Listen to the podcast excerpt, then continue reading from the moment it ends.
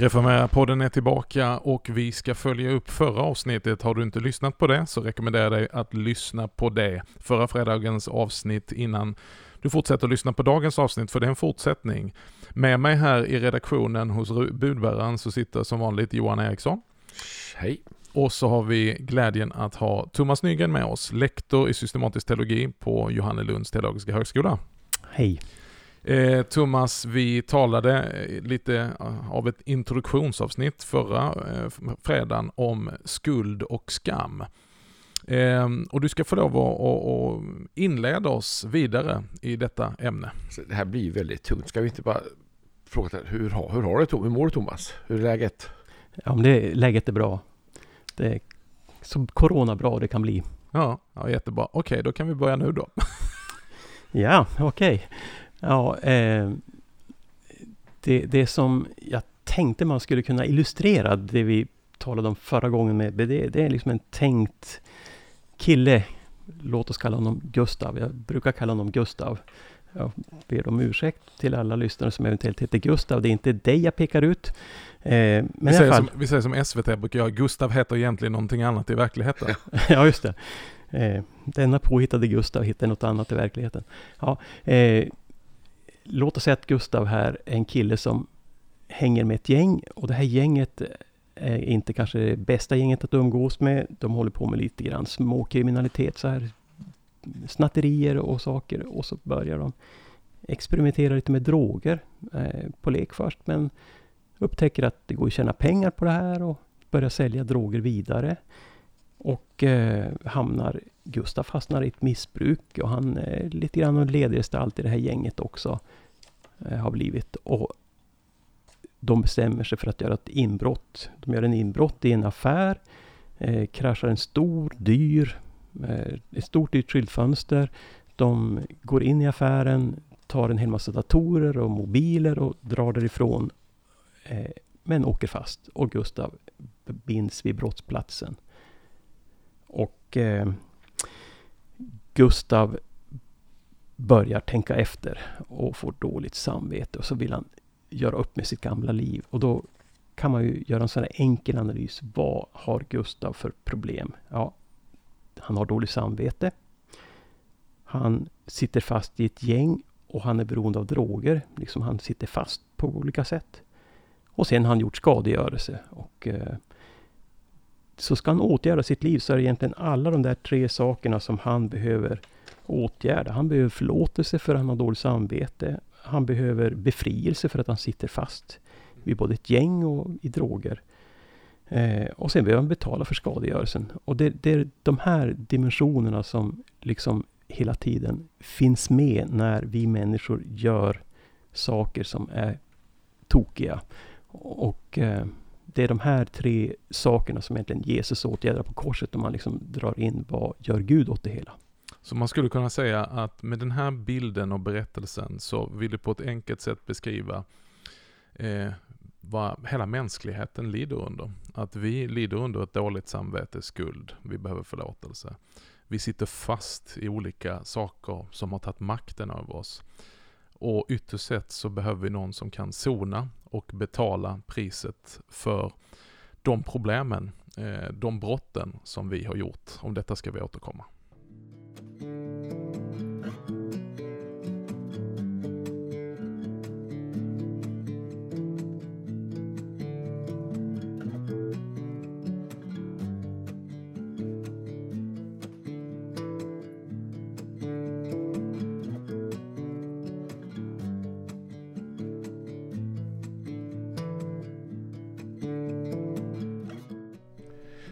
Blir jag alltså väldigt nyfiken här för att jag förstår de två första med skyltfönsterdatorerna. Hur försoningen hjälper Gustav att betala för skadegörelsen, det, det, måste, det, måste vi landa i. Så det här vill jag höra Thomas. Varsågod och fortsätta. ja, men den stora skadegörelsen som människan gör i denna tillvaron och gör något fel, det är skadegörelsen på Gud. Mm. Alltså vi, vi, är det enda problem Gud någonsin har haft egentligen, det är synden. Det är ett riktigt problem som Gud har haft, ett reellt problem. Och varför är det ett problem för Gud? Jo, därför att Gud eh, hamnar i ett dilemma på grund av synden. Gud älskar människan, skapelsens krona, så oändligt mycket. Och Gud är helig och rättfärdig. Och hur ska Gud uttrycka vem man är i relation till eh, att människan har gjort synd. Och då måste Gud eh, göra någon slags åtgärd som både uttrycker hans rättfärdighet, helighet och hans kärlek. Eh, och det är det som då skapar det man skulle kunna säga den innersta hemligheten i vad Jesus gör på korset. Att Gud tar själv smällen av sin egen reaktion. Mm. Eh, det, det liksom, tycker jag är den innersta cirkeln när man ska förklara korsets eller börja förklara lite grann av korsets hemlighet. Mm. Och det är det här vi kallar evangelium. Men om vi använder Gustavs situation här nu på de här tre mm. nivåerna. Hur talar då evangelium till oss människor och till Gustav på de här tre nivåerna? Ja, alltså. Eh, när Jesus dör på korset så uttrycker Gud att du kan få förlåtelse. Så det talar till samvetet. Du är värd att förlåtas. Jag älskar dig. Du behöver upprättelse och jag ser det och jag vill göra något åt det. Och du får förlåtelse. Och det, det är ju det man behöver höra när man har dåligt samvete. Och att vi är offer. Eh, då behöver vi befrielse. Vi behöver veta att någon har makten som kan göra något åt det onda som håller mig fången.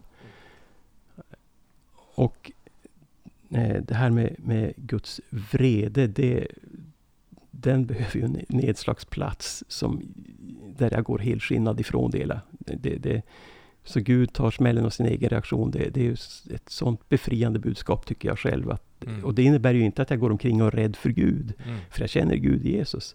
Men jag har respekt för Gud därför att Gud är helig och rättfärdig. Mm. Men han är kärlek. Men då är Gustav försonad egentligen med Gud och med sitt eget samvete. För där försvinner också grunden för hans mm. dåliga samvete. Han är fullt ut upprättad. Och han går vidare. Men då tänker jag att det är två saker som är kvar här nu. Dels ska han ju betala för skyld, för, alltså ta sitt straff måste han göra antagligen. Han kan inte säga till domaren i domstolen att Gud har förlåtit mig så känna fotboja eller någonting. Det, det går inte. Tänker jag. Och sen tänker jag att han ska då betala för det han har gjort fel mot andra människor. I någon form av omvändelsehandling eller visa att han verkligen vill gå vidare och, ha, och göra upp med sitt gamla liv. Och sen måste han ju också tänka ta på sig den, den skammen det betyder att, att stå för sitt brott. Han behöver ju ställa sig och säga i domstolen, ja men jag är, jag är skyldig till det här.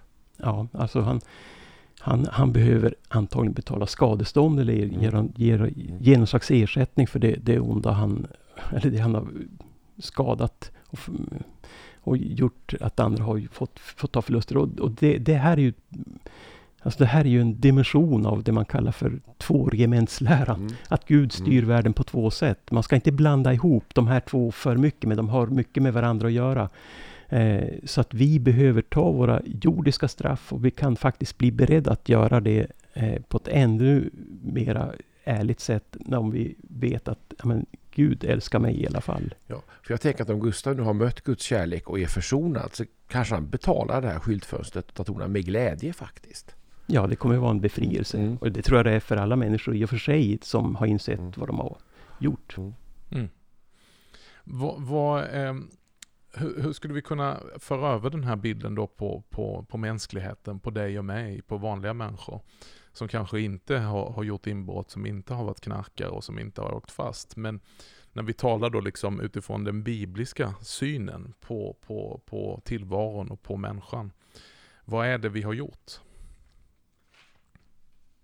Alltså jag, jag tänker mig att, att eh, den, som vi var inne på förra gången vi pratade om det här, så eh, är ju den omedelbara tanken som vi ofta bär på det att, att det här är någon annans fel. Ja, det, här, det här blir jag förledd att göra. Det här har någon lurat mig att göra. Det. Jag är ett offer. Och det ligger alltid något i det. Alltså vi är offer. Och där är ju budskapet att, att eh, Gud ser att vi är offer. Eh, och synden är inte bara någonting som vi gör, utan synden är också en makt som vi är slavar under. Eh, och där finns ett befrielsens budskap. Att synden är besegrad som makt också. Mm. Eh, och de onda makterna som håller oss fångna och våra egna vanor som vi sitter så djupt fast i som vi är offer under också kanske. Mm. Ovanor kanske man kan säga då. Eh, då. De är också besegrade. Så att vi, det, det, finns en seger att peka på som, som Kristus har gjort. Mm. Och som jag får, får luta mig mot. Mm. Och då ska man nog kanske komma ihåg att det, det är inte den här automatiskt alltid den här omedelbara segern. Utan det är mera som när ett, ett, ett stort krig håller på och, och ett avgörande slag sker där man vet att nu knäcktes fienden här. Men krig kanske pågår i många år till innan det är helt vunnet. Just det, man måste förmå få fienden att eh, ta till flykt från det ockuperade landet så att säga. Ja precis och, och den processen den får vi nog leva med hela våra liv. Mm. För att det är mycket som är ockuperat. Ja, ja men spännande. Men då, då tänker jag också att försoningen, den fullständiga försoningen blir då ett startkott i en process i mitt liv. Jag tänker på Gustav igen. Gustav måste ju också då förlåta de som gjort fel mot honom. De som han tycker har förlett honom på fel väg. Och de som och, och, och blir en fortsättning på försoningsprocessen. Eh, och jag tänker att och det, och det här blir intressant det pratar om skam och skuld igen. Att jag tänker min tanken klar sig det att det stora botemedlet mot skamkulturen är återigen försoningen. Men också ja. manifesterad i mellanmänskliga relationer. Ja, det, det är egentligen manifesterad i mänskliga, mellanmänskliga relationer som, som den blir, kan bli påtaglig och synlig för, för oss själva och för andra egentligen. Mm. Annars så blir det bara tomma teorier utav det. Mm. Eh, väldigt ofta. Och ska jag provtänka lite och tänka att då är också vi kristna kallar att vara transparenta och faktiskt ge mm, inte att vi ska söka att göra fel medvetet men faktiskt ge andra möjlighet till försoning genom att stå för det man har gjort.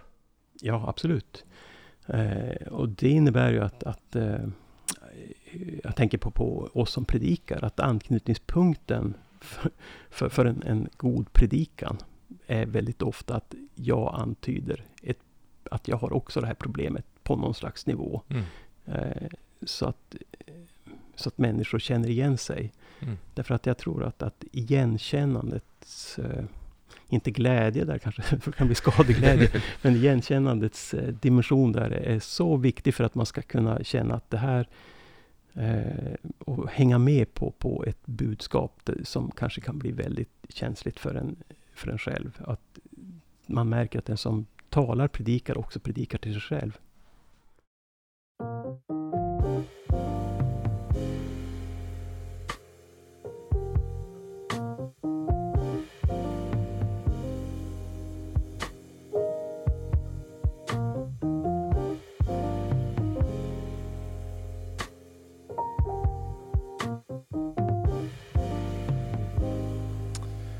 Ja, det här är så otroligt intressant Thomas och mycket att ösa. jag tänker då, eh, hur hittar vi anknytningspunkter för evangelium idag, 2020, i vårt land och i västvärlden? Som eh, lite, många säger till mig idag, nej men du kan inte predika om, om, om försoning för skuld för att vi har lämnat skuldkulturen och man har helt kört in i det här skam. Folk behöver bekräftelse, folk behöver känna att de är eh, omslutna och inneslutna och bekräftade sådana som de är och så visas Guds kärlek och glöm det här med skuldgrejen.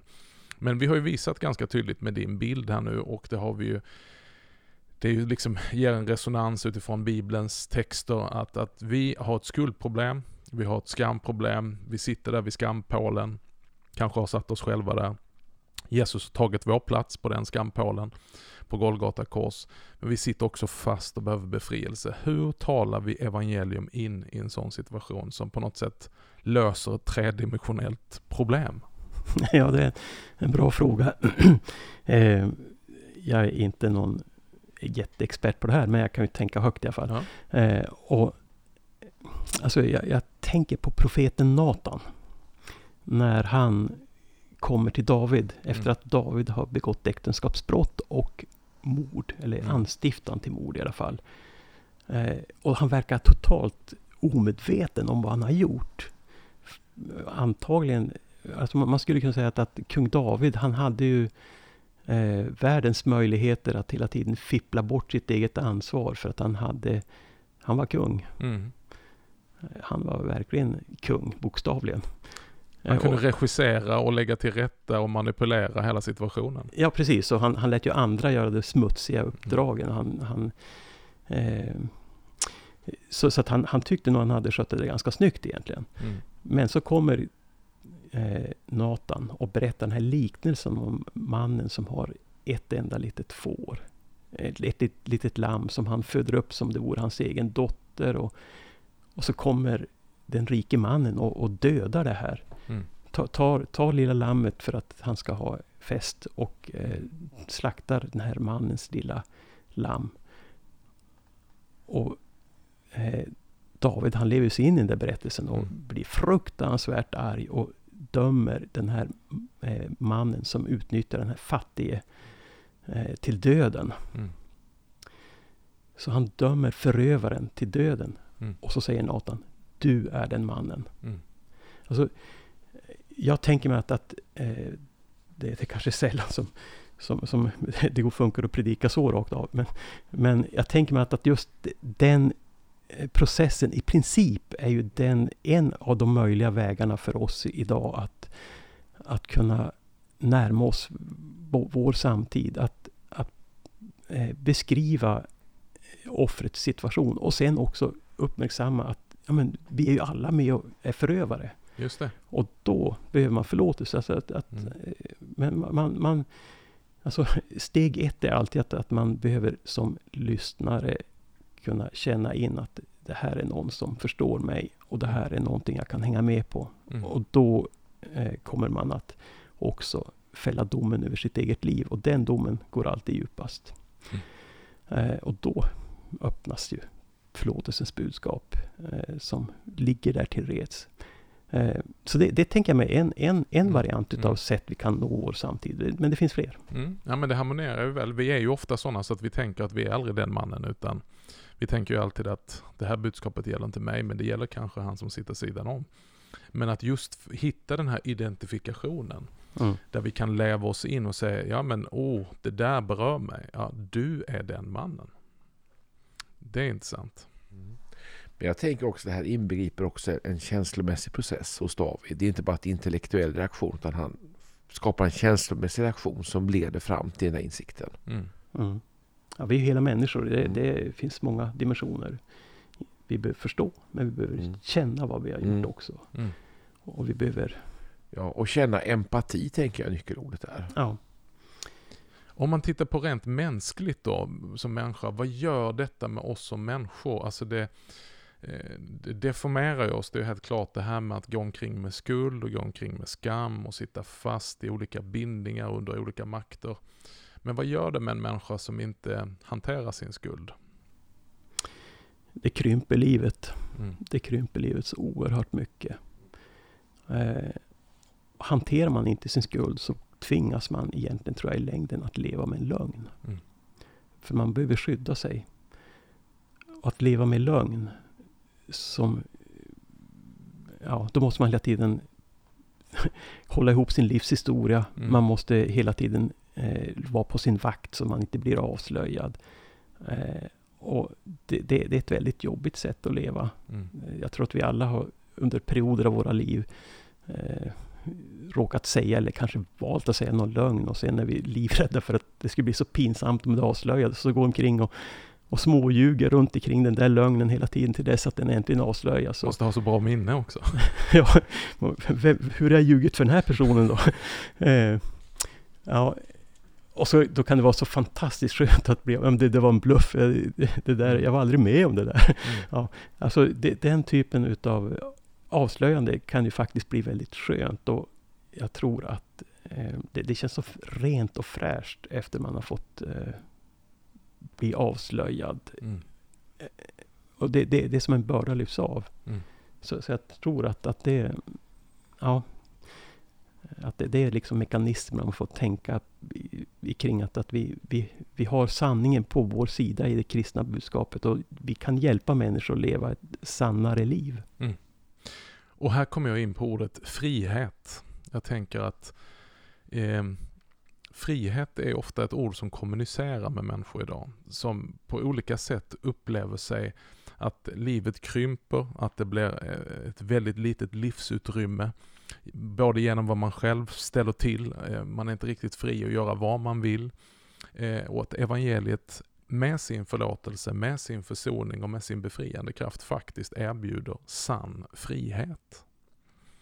Frihet ifrån att försöka rättfärdiga sig själv. Frihet ifrån att försöka hantera sin skuld på egen hand. Frihet från ja, en mängd mm. olika saker. Framförallt fri att också kanske äga mina fel.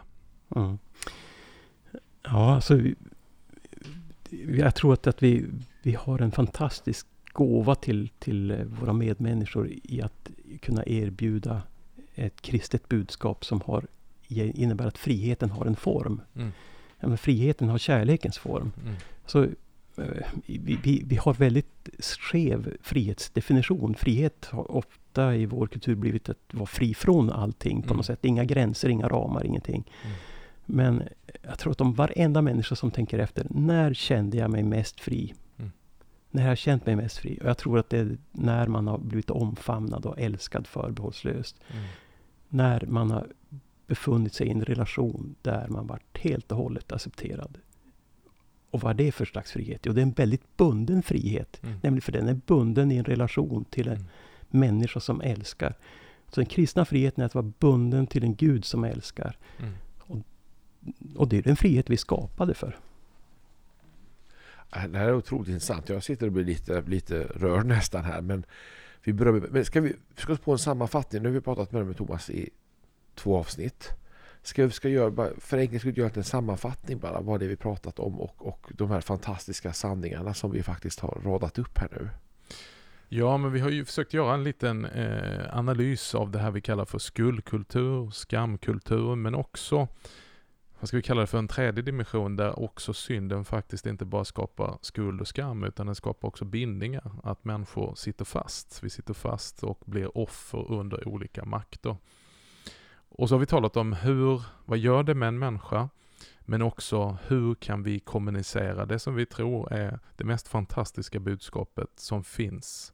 Den stora berättelsen om hur Gud själv har tagit smällen, om hur Gud i sin kärlek genom Jesus Kristus, hans lidande, hans död och hans uppståndelse har besegrat både skulden och betalt skulden, besegrat syndens makt besegrat ondskans makt och besegrat döden själv. Och därigenom räcker oss friheten som eh, också är en frihet. Jag tänkte på det när du sa det Thomas, att vi sitter ju här i ett rum och ingen av oss sitter och tänker på att vi måste hålla upp taket och hålla upp väggen utan det finns strukturer i det här rummet som skapar ett utrymme. Fasta strukturer, balkar eh, eh, som gör att ingen av oss behöver sitta och vara rädda att taket ska rasa in eller att någon måste kämpa i sig själv och hålla upp väggarna utan här skapas en frihet. Men friheten betyder inte att den är befriad ifrån gränser utan det finns ett tydligt ramverk för den friheten. Ett rum har skapats.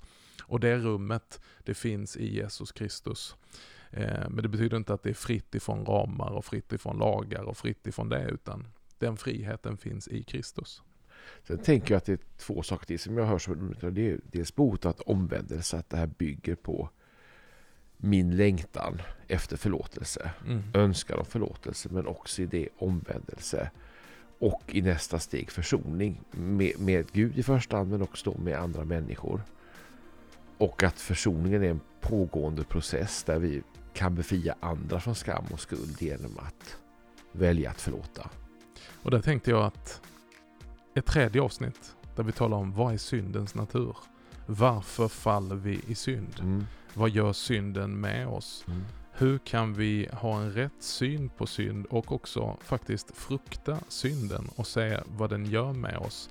Någon har sagt att ah, det är mänskligt att synda. Ja, det är möjligt. Men synden gör oss sannoliken inte mänskliga utan snarare omänskliga. Hur kan vi leva i ett håll på att säga, rätt förhållande, ett sunt förhållande till synden. Och vad mm. gör vi när vi faller? Mm. Och hur undviker vi den billiga nåden då, som är ett begrepp som dyker upp när vi pratar om det här? Ett av dina favoritbegrepp. Mm, jag vet. Thomas, orkar du hänga med oss ett tredje program? Vi får se. Ja. Välkommen! Jag hoppas att du som lyssnar orkar hänga med oss ytterligare ett avsnitt. Välkommen att fortsätta lyssna på den här följetongen nästa fredag. Du har idag lyssnat till Reformera-podden. Vi är så tacksamma för det. Hör gärna av dig till oss. Du kan eh, skicka oss ett mail på info.reformera.net. Du kan läsa mer på vår hemsida reformera.net och vi finns på sociala medier, Johan. Ja, re kolon formera. Så, ja, och framförallt så önskar vi dig Guds rika välsignelse till nästa fredag. Ha det bra.